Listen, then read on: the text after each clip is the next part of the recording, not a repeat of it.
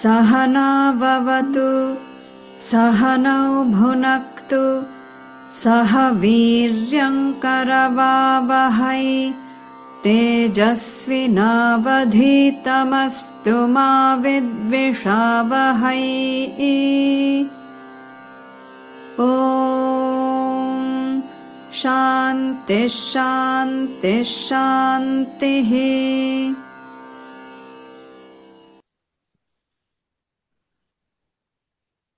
Honzo, máš slovo.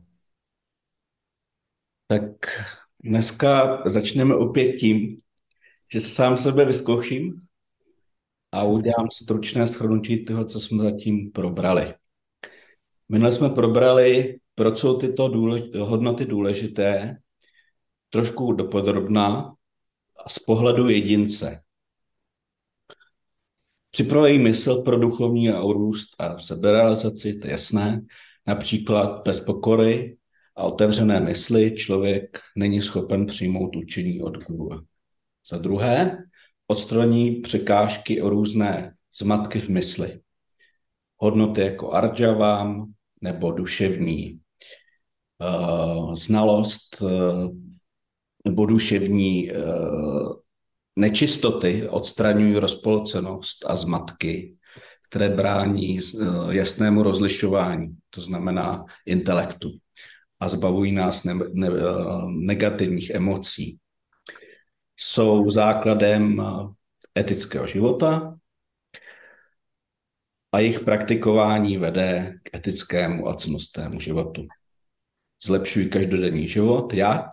Například hodnota šaučam, zlepšuje prostředí těla, ahimsa harmonizuje vztahy. A z pohledu celku, z pohledu celku podporují zdravé vztahy a celkově harmoni, harmonickou společnost. A to je například ahimsa, kšanty, adambitvam a, a tyhle všechny redukují konflikty a pod, podporují soulad ve společnosti. A jak už jsme se řekli, pouze taková společnost může prosperovat. To jak materiálně, tak duchovně. Dále jsme probírali pravidlo, které jsme nazvali zlaté, a to říká, chovej se k druhým tak, jak chceš, aby se oni chovali k tobě. A my jsme se ještě upgradeovali na platinové pravidlo a to říká, chovej se k druhým tak, jak oni chtějí, aby se stychoval k ním. A teď si rychle shodneme ty hodnoty, které jsme, které jsme probrali. Amánitvam, po, po, pokora, opak arogance a je důležitá proto, abychom byli otevření se učit. Adambitvam znamená život, skromný život bez přetvářky. Ahimsa je princip nenásilí v myšlenkách, slovech a činech. Kšanty je schopnost uh, být trpělivý a samozřejmě přijímat to, co nemůžeme změnit. Pak máme hodnotu arjavam, která znamená soulad mezi tím, co si myslíme, říkáme a taky děláme, tedy jak to eh, správně Štěpán, já ho vždycky chválím, nazval integritou. No a konečně máme, teda je mi to líto, Indro, jestli to posloucháš ze záznamu, že se neúčastníš, protože vždycky kvůli tobě tady máme hodnotu šaučam, což znamená udržování vnější a vnitřní čistoty. A jak udržujeme tu vnitřní? Za pomoci kontroly mysli a smyslu, šamadama a po případě karma a upásana jogy. A teďka trošku něco nového, aby jsme pořád neopakovali dokola to samé, ale nebojte se, od září bude zase nová hodnota, takže si ji užijeme.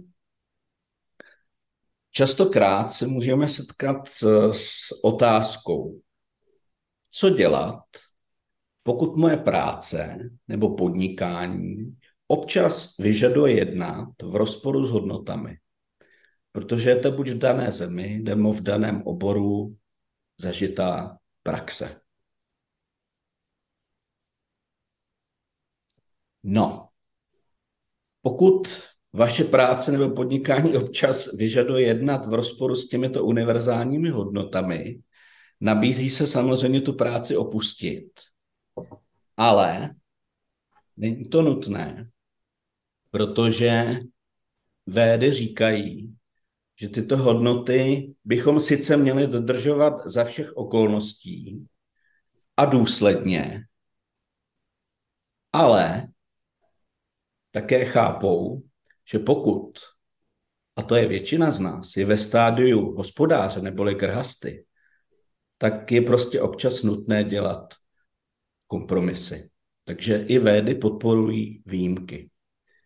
Ale co můžeme v takové situaci dělat? Za prvé si můžeme udělat seznam situací, kdy k porušování těch hodnot dochází.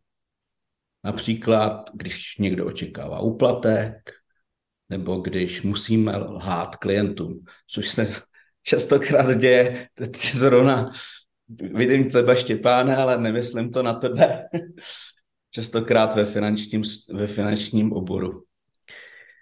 Za druhé, zamyslet se, jak je možné takovým situacím předcházet a redukovat je, nebo je řešit jinými způsobami, tak abychom byli právě v souladu s, s hodnotami. A k tomu slouží introspekce.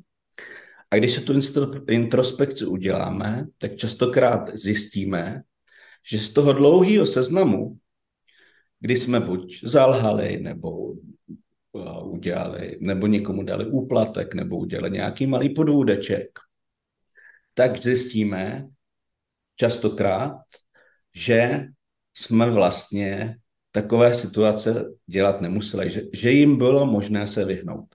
Takže i v tom stádiu hospodáře neboli grhasty je možné praktikovat hodnoty. Musíme se být ovšem vědomi, že pokud žijeme v takzvané té vyjáva hárice, neboli v té objektivní realitě a ještě jsme zapojeni do toho světa, tak sem nebo tam je občas prostě nutné udělat nějakou výjimku. Ale účelem je ty výjimky redukovat.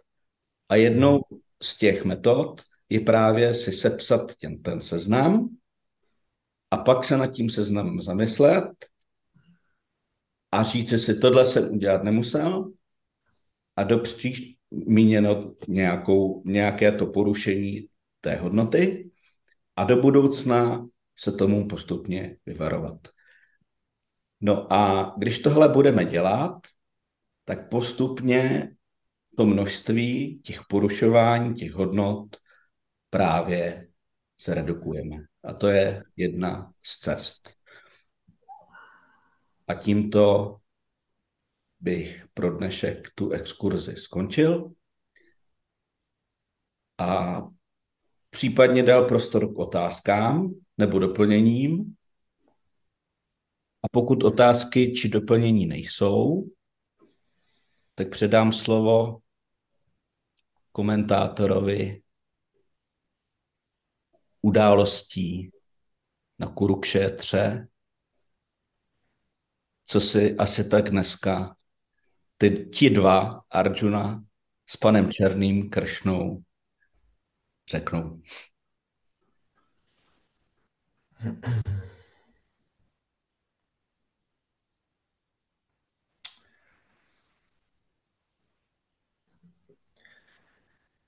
Tak pokud si ještě trošku vzpomínáte, kde jsme skončili, tak jsme skončili v situaci, kdy se Arjuna, pardon, Kršna, pan Černý, snaží uh, vyburcovat Arjunu ze smutku a přesvědčit ho, aby konal, aby šel bojovat.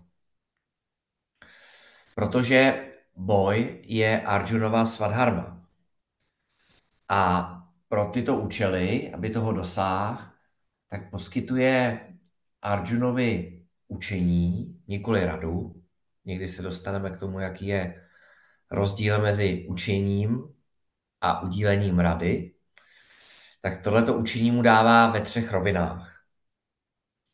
Možná, možná si vzpomenete, v rovině filozofické, v rovině darmy, jinými slovy toho, co je a není správné, a potom v té rovině úplně praktické, která se týká toho, co tomu řeknou ostatní a jak se budeš cítit, když se ti budou smát po té, co si odešel z boje a tak podobně. A my jsme v zásadě tu rovinu filozofickou probrali. A ta byla ukrytá v těch verších 12 až 25, což je asi 14 veršů, pokud správně povídám a počítám. A tady Kršna zdůraznil to, co si věřím pamatujete a uvědomujete, že naše pravá neměná podstata je ve skutečnosti vědomí. Říká tomu Chaitanya Svarupam. Svarupam je povaha a Chaitanyam je vědomí. A že to, co většina z nás považuje eh, za to, co, co, co jsme, to znamená uh, náš aspekt fyzický, emocionální a intelektuální, je ve skutečnosti jenom dočasný aspekt našeho bytí, pomíjí. Nikoli naše neměná podstata. A Kršna mluvil o povaze vědomí, charakterizoval ho eh, celou řadou různých způsobů. Především eh, říkal, že je věčné, vzpomenete si možná na to slovo nitya. Říkal také, že je satya, neboli nezávisle existující, tak jako zlato existuje nezávisle na šperku, tak podobně existence vědomí nezávisí na hmotě. Takže Nitya, Satya, pak také řekl, že je vše prostupující sarva gata. To slovo sarva v různých složeninách indikuje všechno, takový důrazný sanskritský slovo sarva. Sarva gataha znamená vše prostupující. A poté, poté vysvětlil nebo ukázal, že je aprameya, což jsem i minule možná zmínil, je trošičku obtížnější si představit, protože je nevnímatelné jako objekt. Je to ten subjekt, jsem to já, kdo vnímám všechno kolem sebe, veškeré objekty. A právě mezi objekty, jak jsme si ukázali, patří i tělo, naše emoce, naše myšlenky. Moje ruka je bez pochyby objekt. Jsem schopný ji vidět, jsem schopný do ní cvrknout, spálit ji, schladit ji a, a dělat s ním všelijaké různé další věci. A Atma je také akarta a abokta, to znamená, že samo nekoná a nenese ani důsledky, když nekoná, nenese důsledky činů. Protože, jak se říká i hezky česky, česky ten, kdo zasel, také sklízí. A Atma neseje, tudíž nesklízí. Takže akarta a abokta. A, a také je nirvikára, neboli neměné což mimo jiné souvisí s tím, že je věčné. A lidé někdy mají tendenci ho- hovořit, určitě jste to slyšeli, já jsem to v minulosti slyšel o něčem, co se nazývá, nebo co nazývají vyšším stavem vědomí. Asi jste slyšeli někdy ten pojem. A, a anglicky bychom řekli, že to je misnomer, tuším, že to je ten anglický výraz, že to je vlastně slovní spojení, který nedává žádný smysl, protože pokud je vědomí neměné, nemění se, tak nemůže mít vyšší a nižší stav. Vědomí je mimo jakýkoliv stav. Honzo? Tady se odkazem k odraženému vědomí. Kdo? Kto ten vyšší stav vědomí. Aha, to nevím. Já jsem chtěl zdůraznit trošku jiný aspekt. Ale Já vím. No, to původní vědomí je samozřejmě jedno. Je nitra právě, je neměné, že nemůže být vyšší, nemůže být nižší, ale, ale může být nižší či vyšší v tom odraženém médiu, v tom odrazovém médiu, což je mysl, což je což je jemné tělo. Mhm. A Takže, jestli, ano? je- jenom jestli můžu, a nemyslí se tím vyšší stav vědomí, eh, taky to, že je, pot, je asi nutné rozlišovat mezi absolutním vědomím a relativním vědomím, ne? Protože třeba kauzální tělo je nevědomí, ale myslí se tím relativní nevědomí. Znamená ve vztahu k dalším dvou stavům. A kdežto vědomí s velkým V je to absolutní vědomí, o kterém my tady pořád mluvíme, o tom atma. Takže možná tím vyšším stavem vědomí se myslí ten atma versus nižší stav vědomí jako relativní vědomí. No to se myslí a proto mluvím o odraženém vědomí, ale uh, ty si tam řekl jednu věc, která není pravda a řekl si, že kauzální tělo je relativní vědomí. Relativní nevědomí. Relativně nevědomí. Hmm. Tak to se řekl v podstatě správně, protože to je hmota. A od toho, od té hmoty se to originální původní vědomí odráží, podobně jako se slunce odráží od slunce. A pak je to odražené, můžeme říct, relativní vědomí.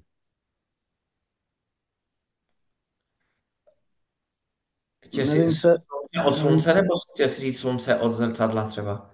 Že? Slunce se odráží ne od slunce, ale asi od hladiny, si chtěl říct. Já, já jsem řekl, slunce se odráží od slunce. Myslel jsem od měsíce. Myslel jsem od měsíce. Takže podobně se to, to vědomí odráží v podstatě od všech tří těl. Ale ty tři těla nejsou vědomí, respektive oni teda jako jsou, ale to je trošku už krok dál, ale jsou hmota a to původní vědomí se od nich odráží.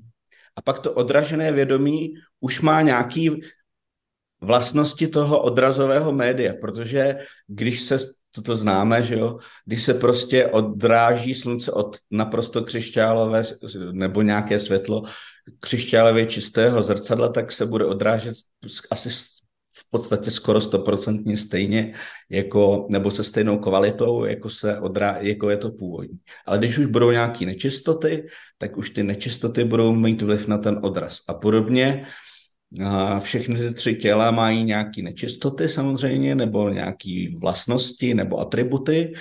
A ty atributy už jsou potom právě přítomné v tom odrazu. Mhm. No, tak to jsme zase asi dostali někam, kam se Petr dostat nechtěl, no nicméně Nevadí. občas to nevadí, si myslím, takovýhle uh, trošku filozofičtější a, a těžší, těžší témata, protože se tím tříbíme intelekt a děláme mananu, mananu děláme a dinidiasanu taky. Tak jo. A, tak já nás vrátím, eh, ještě Radku vydrž, zpátky. a, a jenom aby jsme chytli, chytli nit té hodiny, jo? přestože to bylo zajímavé, to, k čemu jste odbočili. Takže rovina filozofická pomalu končí, Kršna, respektive následně teďko Petr před chvilkou, uh, schrnul uh, několik, řekněme, charakteristik tohoto vědomí, uh, které Kršna nazývá čajtaniam. A, a Petr chtěl říct celkem jednoduchou věc, že když, uh, teda myslel jsem si, že je jednoduchá, že někdy mluvíme, uh, někteří lidé mluví o vyšším stavu vědomí, tak uh, jak Štěpán, my všichni, Honza, jsme chytli, chytli samozřejmě vědomí, to s tím velkým V, nebo čajtaniam s velkým Č, i když v sanskrtu to asi se píše jinak, to absolutní vědomí nemá ty vyšší a nižší stavby, protože je neměné, tak uh, to, co jsem chtěl říct, že můžeme hovořit o vyšším nebo nižším stavu naší mysli, v tom kontextu, že naše mysl je někdy satričtější, někdy rajasická a někdy tamasická. A to nepochybně kvalitativně jsou různé stavy naší mysli, ale nikoli stavy átma. A Kršna vlastně uzavírá tuhle tu část tím, že mu připomíná Arjunovi, ve skutečnosti seš Atma, to tež platí o těch, co stojí na druhé straně, o Bíšmovi, Dronovi a dalších. A proto ve skutečnosti nikdo nemůže být doopravdy zabit. A proto, a tím končí tuhle tu sekci, končí tak, jak začal, neměl bys smutnět. A zároveň neměl by se vyhýbat svojí povinnosti. Tak to jsme si řekli minulý hodině eh, a teď eh, se můžeme podívat o krůček dál. अथ चैनं नित्यजातं नित्यं वा मन्यसे मृतम् तथापि त्वं महाबाहो नैनं शोचितुमर्हसि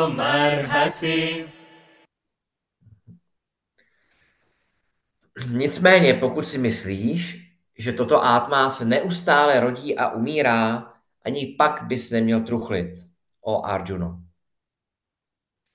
Nicméně, pokud si myslíš, že toto átma se neustále rodí a umírá, ani pak bys neměl truchlit, o Arjuno.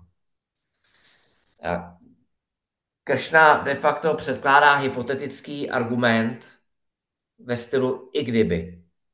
To znamená, uh, i kdyby neakceptoval, Arjuno ne, neakceptoval nebo nepochopil to co, to, co jsem se ti teď snažil vysvětlit, nevadí. Uh, Vedanta nikoho nenutí, aby akceptoval to, co říká.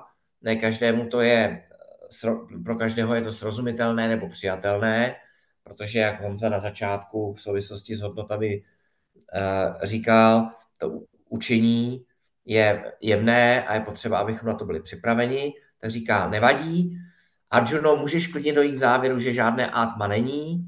Jsou i jiné systémy, Honza je možná bude si pamatovat líp než já, který říkají něco v tom smyslu, že eh, to naše pravé já neustále uh, Vzniká, zaniká, rozsvěcuje se, eh, zhasíná, v podstatě jako poblikává, až bych řekl, jo. Nebo můžeš dojít k závěru, že vůbec žádný Atma není, Arjuno. Nikdo ho nikdy neviděl, je Aprameya, jak jsme si řekli, ani vidět nemůže. Zkrátka jsou i různé filozofické systémy. A i kdyby věřil, že naše já je ve skutečnosti pouze tohleto tělo, tak ani v takovém případě bys neměl odmítnout svou povinnost, a ani v tomto případě bys neměl smutnět. A Kršna mu to vysvětlí dál.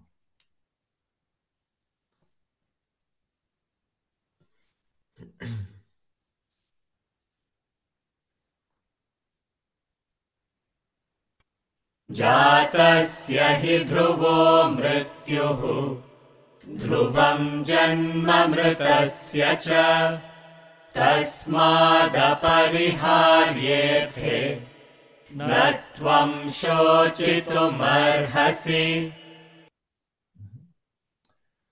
Vždyť pro toho, kdo se narodil, je smrt nevyhnutelná. A pro toho, kdo zemřel, je zase nevyhnutelné zrození, narození.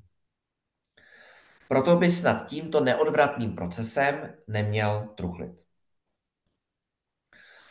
Takže přecházíme teď do praktické roviny. Je to, je to důležitý praktický verš, který, eh, řekl bych, trochu roztáhneme i na uh, zdánlivě banálnější situace. A Kršna Arjunovi říká, hele, uh, nemusíš studovat Vedantu, nemusíš učit, chápat Vedantu, nemusíš věřit v žádné átma, stačí ti zdravý rozum. A co říká zdravý rozum? Zdravý rozum říká, že i kdyby věřil tomu, že si tělo, tak všecko, co je zrozené, musí jednoho dne zemřít pokud půjdu o kruček dále, všechno, co, co bylo jednou vyrobené, jednoho dne rozbije. Všechno, co jednoho dne vznikne, musí jednoho dne zaniknout. A, a to vidíme jak prostřednictvím praktické zkušenosti, tak prostřednictvím pozorování, tak prostřednictvím uh, něčemu, čemu říká inference nebo dovozo, dovození. Uh, dává nám to uh, zdravý rozum. A i písmo konec konců říká, že cokoliv se zrodí, ať, ať už je to dobrý nebo špatný, tak má dříve či později, protože to mělo začátek, tak má i konec. Protože já teď, teď jsem u živých bytostí, karma se postupně vyčerpává. Můžeme si to představit, teď už svítíme elektricky, ale jako kdybychom svítili olejovou lampou, tak jako olej, když se vyčerpal v karmě, pardon, v lampě, tak lampička zhasne, tak podobně písmo říká, tak jak se postupně vyčerpává karma, tak jednoho dne fyzické tělo, hrubé tělo zhasne. A, a tohle je důležitý pro nás, protože my tuhle tu zákonitost dobře přijímáme s ohledem na druhé lidi. Když o tom čteme v novinách, nebo je to daleko, ale ne vždycky a ne každý z nás je připraven ji aplikovat ve svém nejbližším okolí, případně sám u sebe. A, a to je právě rozdíl mezi uh, s vámi G, s vámi Partasaráty bych řekl, mezi knowledge and wisdom. S vámi Paramartananda by řekl rozdíl mezi tím, že jsem něco slyšel a pamatuju si to, a že jsem to doopravdy asimiloval. A, a já na to často myslím, když Honza na začátku znovu a znovu opakuje to, co už jsme slyšeli, a, a ne vždycky nám říká neustále něco nového, ale je to proto, abychom ty hodnoty postupně asimilovali. To je, to je, vlastně, to je vlastně ta pointa. A podobně učení Vedanty má pro nás praktický přínos v zásadě pouze tehdy, pokud jsme ho opravdu asimilovali ve svém životě. A mimochodem v, v, v, ve védské mytologii jsou všelijaké příběhy, všelijaké příběhy, uh, říká se jim Puránas, jako dávné příběhy, kdy, kdy jsou všelijaký padouchové a ty většinou se snaží vyjednat s, s některým z bohů svoji nesmrtelnost. Mimochodem i dneska to lidi dělají. Já, já, já to moc nesleduju, ale nevím, jak se jmenoval ten uh, vojevůdce uh, teďko, co s ním možná se zřítilo nebo nezřítilo to letadlo, já vím, že se jmenoval jako Pirošky, ale nevím, jak se jmenoval. Ale, ale, ale tyhle ty lidi úplně typicky si v zásadě taky snaží vyjednat nesmrtelnost. Mají ochránku, dobrý doktory, dobrý jídlo, zabez, všelijaký zabezpečení eh, od mobilu počínaje přes bankovní konta na všech pěti nebo kolika kontinentech. Ale ve finále stejně dřív nebo později si i pro ně smrt přijde. A pro mě v indické mytologii jsou různé postavy padouchů, který často provádějí všelijaký cvičení, někdy i dobré skutky, někdy tapas, to znamená odříkání. Teď přijdou za, za, třeba za Višnu a řeknou, dej mi nesmrtelnost. A, a on řekne, to nejde. A on řekne, dobře, tak nesmí nic zabít ani ve dne, ani v noci, ani žádnou zbraní, ani muž, ani žena. A to všechno on jim jako odkejve, jako když si děláte pojistku. A potom se stane, že, a to je konkrétní příběh, který pro vás hodně zjednodušuju, že to, co je zabije, nebude ani člověk, ani zvíře, nebude to ani zbraň a nebude to ani ve dne, ani v noci, protože to bude za soumraku a bude to na půl člověk a na půl lev a, a, a, a tak dále. A poselství těchto těch příběhů, a pokud máte to oko, taky třeba novinových příběhů, je to, že smrti nelze uniknout. Zkrátka tak či onak, fyzické tělo jednoho dne končí. Pohled Vedanty je ten, že v zásadě, ne v zásadě, ale smrt znamená jisté znovuzrození. To je ten cyklus Punarapi Jananam, Punarapi Maranam, který, to je verš, který jsme zpívali v Bhaja Govindam. A tohle je významný v tom kontextu nejenom zrození a smrti, ale toho, co s vámi Paramartananda krásně nazývá choiceless situations. Česky bychom řekli situace bez možnosti volby, nebo taky situace bez možnosti je ovlivnit, nebo situace bez možnosti je změnit bez ohledu na to, jaký vyvinu úsilí. A tahle ta schopnost přijmout, já možná budu používat to slovo choiceless občas, někdy taky bezvýchodní situace, je důležitou schopností, kterou bychom si jako studenti Gíty, Bhagavad Gíty, postupně uh, měli vytvořit. To znamená přijímat tyhle ty situace s pochopením, bez stížnosti, bez breku, vnitřního breku, zejména na mysli, bez steku.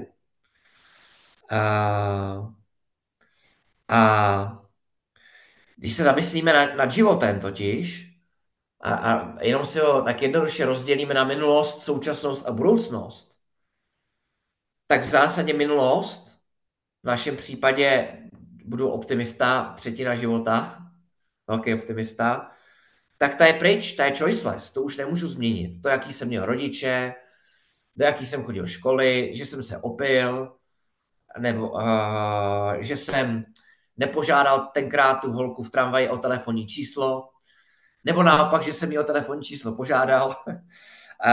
zkrátka celá minulost je bez možnosti volby. Pryč. Přítomnost, když se na ní zamyslíme, tak přítomnost už je, už, už je přitom, už je přítomná. Takže ta přítomnost v tom pravém slova smyslu, ta už je taky bez možnosti volby, protože je tady. Ta je teďko. Takže nám už vlastně zbývá jenom budoucnost. A když se zamyslíme nad budoucností, a, a není to, myslím, pesimistický pohled, je to realistický eh, pohled, tak eh, v budoucnosti můžeme některé věci měnit, ale mnohý taky ne. Bude, budeme stárnout, a, a, počasí neovlivním, a, zkrátka velkou, velkou část budoucnosti v zásadě ne, nemůžu změnit. A kousek, samozřejmě kousek nám zbývá. Není to fatalistický pohled na věc. Ale je dobrý si uvědomit, že celá minulost, přítomnost a podstatná část budoucnosti je, je, je bez možnosti volby.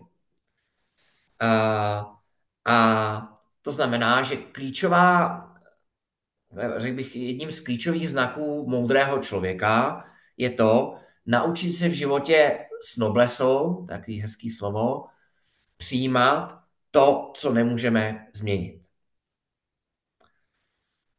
Což souvisí s otázkou, takovou hypotetickou otázkou,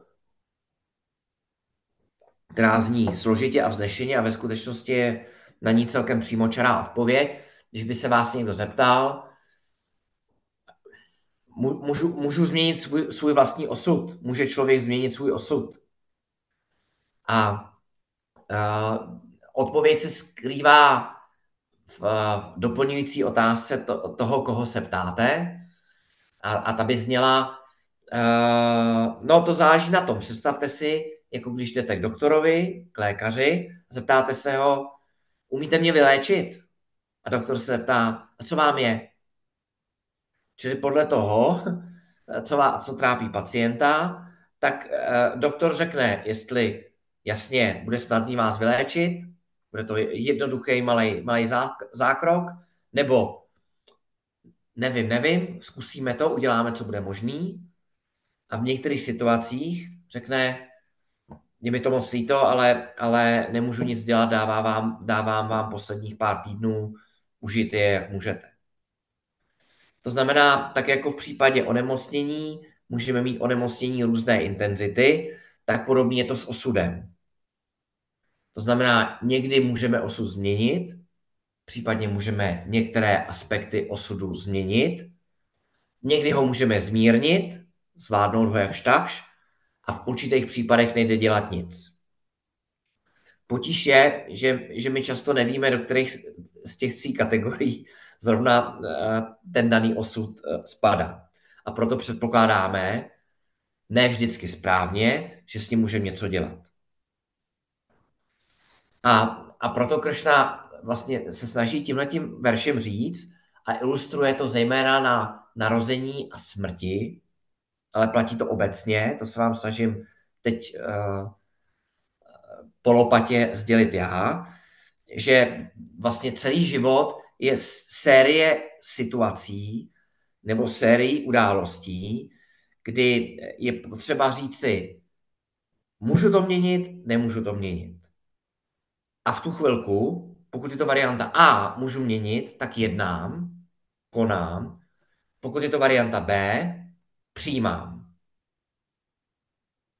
Jo, takže vlastně život z tohoto pohledu, specifického úhlu pohledu, je řada činů přijetí. Činů přijetí. Žena uvaří večeři, nedá se to jíst, přijetí. Uh, třeba. Uh, druhý den uvaří eh, báječnou snídani, je to paráda, přijetí. A, a zjistím, že, že mám narůstající nadváhu, nevejdu se po, teď je léto, ale po zimě, po Vánocích do kalhot, může nastat eh, možnost činů nebo něco s tím můžu udělat. A Kršna tady v tom verši říká, kde, kde je vlastně prostor pro smutek. Buď koná, Vedanty buď koná, jedná, nebo přijímá. Pokud jeden člen problém, rodiny má dle našeho názoru, to je důležitá věc, nějaký problém se svou osobností nebo se svým jednáním, můžu se to pokusit změnit, pokud se to nepodaří, což se většinou nepodaří, přijímám. Takže tolik velmi praktický verš 27, eh, který rozlišuje pečlivě situace, které mohu změnit a které změnit nemohu. Honzo, chceš něco dodat? Ani ne. Dobře. अव्यक्तादीनि भूतानि व्यक्तमध्यानि भारत अव्यक्तनिधनान्येव तत्र का परिदेवना O Arjuno, všechny bytosti jsou na počátku neprojevené, v průběhu své existence projevené a na konci opět neprojevené. Proč bychom nad nimi měli truchlit? O Arjuno všechny bytosti jsou na počátku neprojevené, v průběhu své existence projevené a na konci opět neprojevené. Proč bychom nad nimi měli truchlit? Že Kršna se opět vrací k fenoménu zrození a smrti a platí, tak jako v jiných aspektech našeho života, že když ně, něčo, něčemu rozumíme, něco pochopíme, tak se toho něčeho přestáváme bát. Já si pamatuju, mnohokrát jsem si to vypisoval, když padla ve Vedanta Akademii otázka na s vámi, Gio, co je příčinou strachu. A, a ty příčiny byly asi tři nebo čtyři. Myslím, že bych si vzpomněl minimálně na dvě nebo tři z nich možná postupně na všechny, ale tou základní příčinou je nevědomost nebo neznalost. Když potkáme velkého člověka v cizí zemi, který ho neznáme a sedneme k němu do taxíku, má dva metry a na krku zlatý řetěz, tak je dost možný, že se budeme bát, jestli nás odveze tam, kam doufáme, že nás odveze. A to znamená, že i v případě toho fenoménu zrození a smrti, zejména smrti, platí, že čím lépe mu rozumíme, čím lépe ho chápeme, eh, tím eh, ta schopnost smrti našich blízkých, milovan, takzvaně milovaných nebo milovaných nebo naše vlastní, tak tím klesá schopnost smrti nás zranit. Protože ve skutečnosti ty základní uh, slabiny naší mysli, rága, dvéša, káma, krodha, lobha, moha, madamacarya, jsou zrozeny z nevědomosti. Takže Kršna tady říká, Arjuno, když pochopíš zrození a smrt, tak tvůj strach zmizí a když nezmizí, nezmizí úplně, tak stoprocentně bude mnohem, mnohem menší. A tady uh, jste to určitě chytli, de facto ukazuje, že ten cyklus je mezi neprojevený, projevený a opět neprojevený. Anglicky bychom řekli unmanifest, manifest, unmanifest. Uh, někdy se uvádí takový příklad. Představte si, že sedíte třeba v místnosti, mohli byste sedět třeba i někde u ohně, uh, možná by to bylo i praktičtější pro ten příklad, u velkého ohně, a najednou proletí kolem vás šíp. A ten šíp se vynořil odkud si ze tmy na strašně krátký okamžik, jste ho zahlédli, spatřili a najednou opět zmizel kde si ve tmě. A, a podobně, podobně je to i s životem. On se, on se vynoří uh, z té neprojevené, pro nás neuchopitelné, neznámé formy. Chvilku tady je. Uh, okam, na chviličku tady zabliká a najednou opět zmizí uh, v, někde, někde, kde si neznám. A, z pohledu Vedanty je potřeba si říct, že uh, nelze ve skutečnosti hovořit o stvoření a zničení čehokoliv.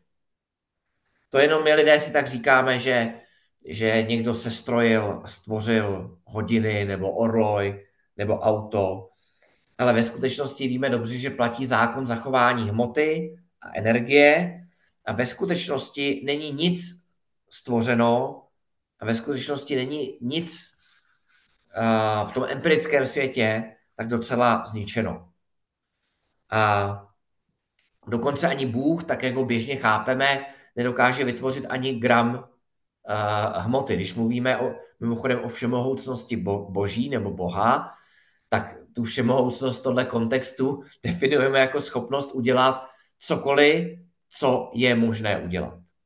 A stvořit hmotu možné není. Takže z pohledu Vedanty narození a smrt je vlastně pouze změna jedné formy ve formu druhou.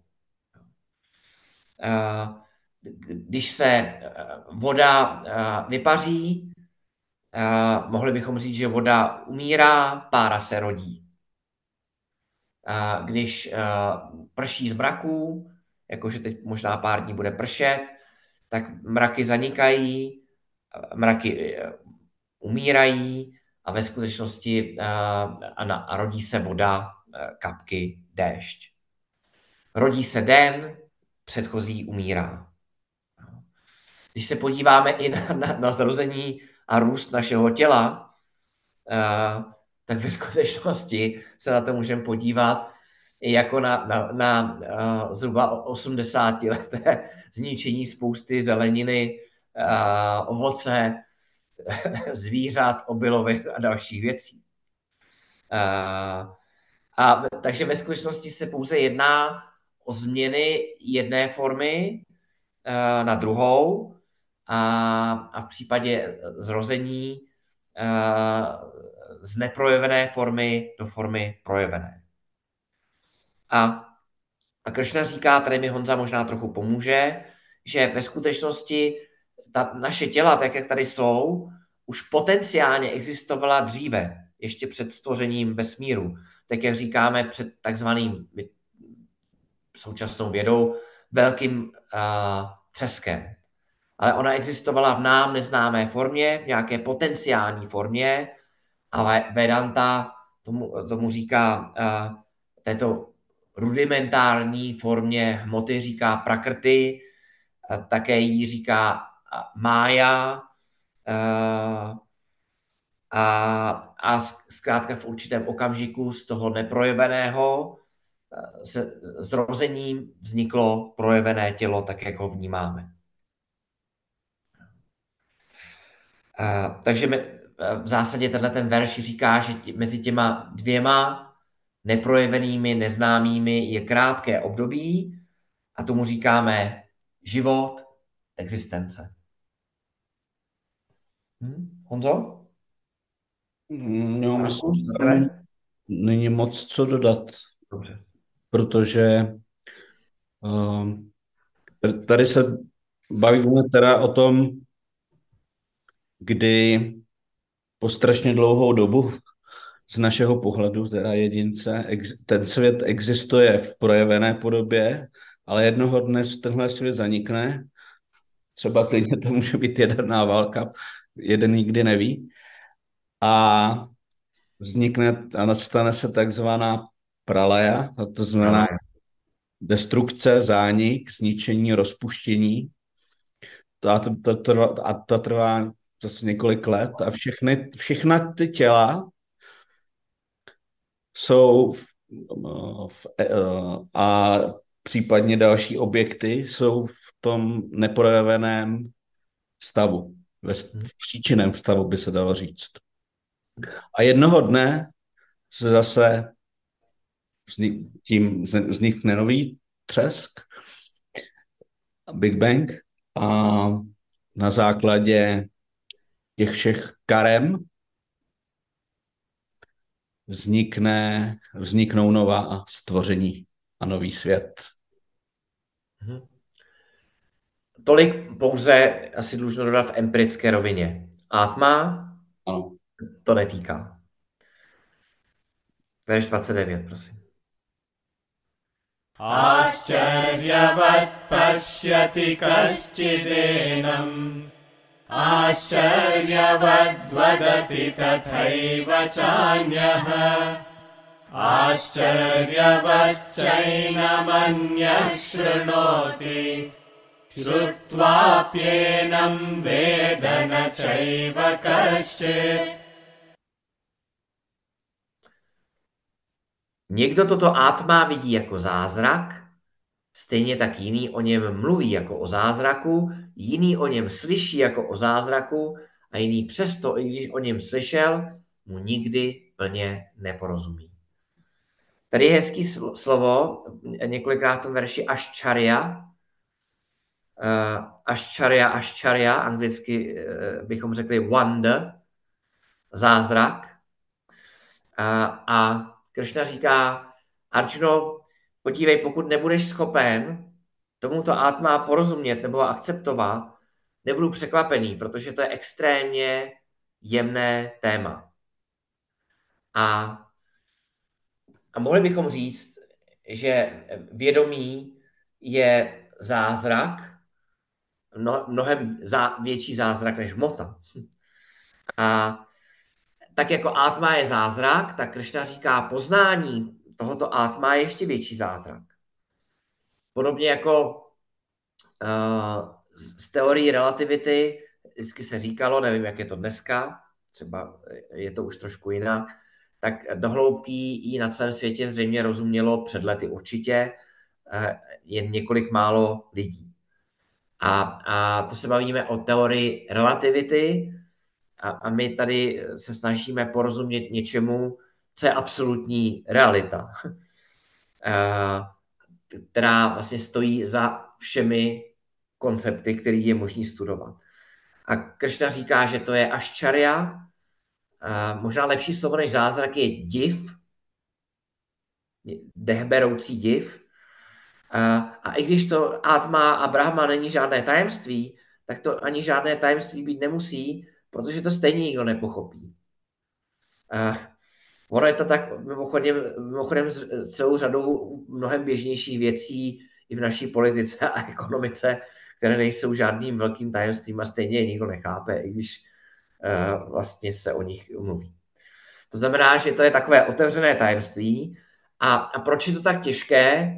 Uh, Kršna naznačuje, a spíš Paramarta, s vámi Paramartananda rozvádí, že uh, když Kršna hovoří o átma, tak my máme, já už jsem to zmiňoval možná minule, tendenci si představovat nějaký objekt. Když řeknu átma je nitya, tak si představíme, ha, to je něco, co je pořád. Pak řeknu, že sarvagata, tak je to všudy přítomný. Nirvikára, ono se to nemění a karta a bokta, nic to, nic to nedělá, nic se toho netýká. A my máme tendenci eh, si to objektivizovat a představovat si třeba něco, co se podobá světlu, nebo co se podobá prostoru. A tak nám vlastně v mysli uh, naskakuje jeden koncept za druhým. a, a, a s vámi Partasaráty krásně říkal, ne ty, ne ty, ne ty, ne ty. To ne, to ne, to není ono. To znamená, že je důležité mít neustále na paměti, že ve skutečnosti Atma, já, nejsem objekt, ale, ale jsem subjekt.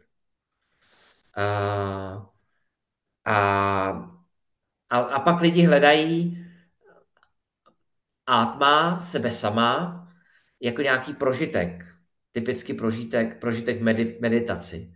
A říkají, já nevím ani co všechno říkají, že je nějaké světelkování a, a světlo a záblesky a tak dále. Ale, ale samozřejmě to je jenom událost. Není, uh, ve formě, a událost ve formě objektu. Takže cokoliv, co prožíváme, to už jsme si říkali, ještě si to bude mnohokrát říkat, co jsme schopni vnímat, co jsme schopni si představit, není átma, protože to není objekt. Ale zároveň, a to je jako další obtížnost eh, naší práce společný, vaší i mojí tady, je eh, potřeba si jasně říct, že nemluvíme o nicotě. Jo. A, to znamená, že postupně, jak budeme studovat, tak eh, můj úkol spolu s váma to, to bude jasně pochopit, jasně si to vysvětlit, přijmout a do, do té doby musíme pracovat. A v okamžiku, kdy to eh, pochopíme, tak je to nádherný pocit, je to i to, o čem tady mluví, až čaria, je to ten div, div divoucí, ten, ten anglický, jak se taky hezky říká, je to ten wonder. Takže jeden to vidí jako zázrak, druhý o tom mluví jako o zázraku, další o tom slyší jako o zázraku a, a, a někdo jiný se diví, jak je možné, že to, že to ještě nechá, nechápeme. Takže to je, to je to pravé, neměné, věčné, jsem to já a všechno ostatní uh, je pouze objekt. Uh, všechno ostatní má počátek, konec a v lepším případě uh, to má tu takzvanou empirickou neboli vnímatelnou existenci. Uh, to je ta oblast, kterou Honza nazval, tuším, Vyavahárika. To je něco, co jsme schopni vnímat a co jsme schopni si představit. Takže na tom, na tom uh, až čaria budeme příště pracovat dál. Jaký dotaz nebo komentář? Máme ještě pár minut.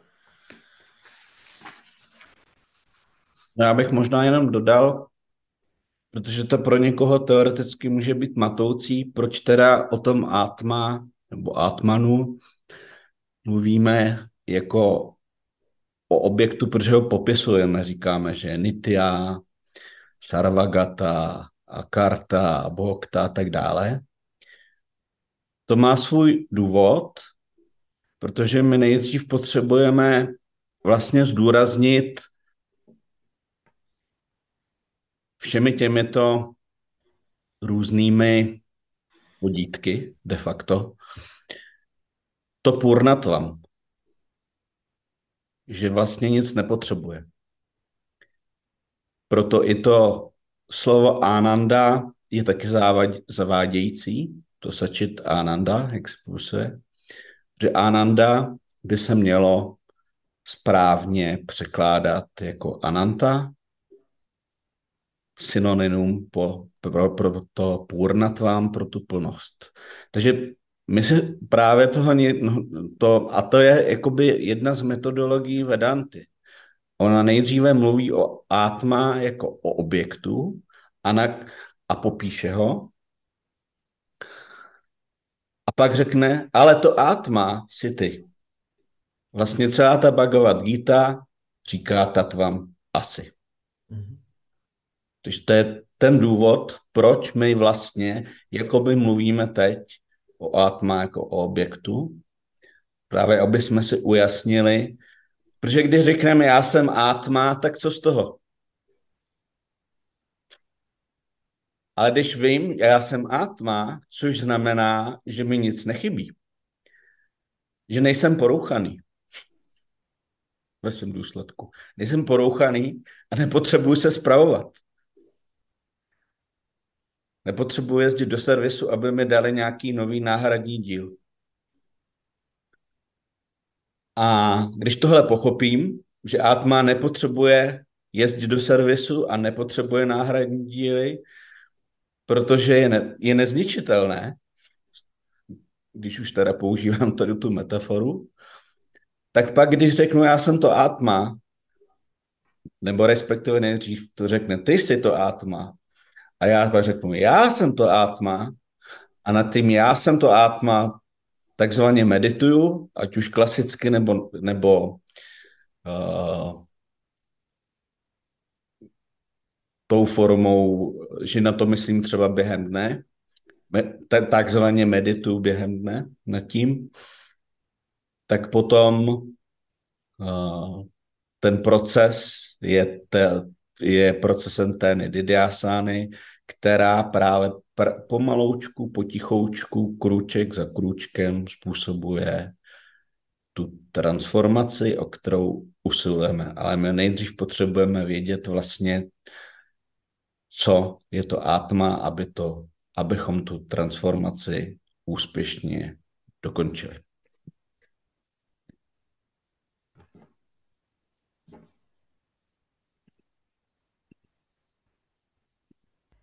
ॐ पूर्णमदः पूर्णमिदं पूर्णात् पूर्णमुदच्यते। पूर्णस्य पूर्णमादाय पूर्णमेवावशिष्यते Om Shanti Shanti Shanti.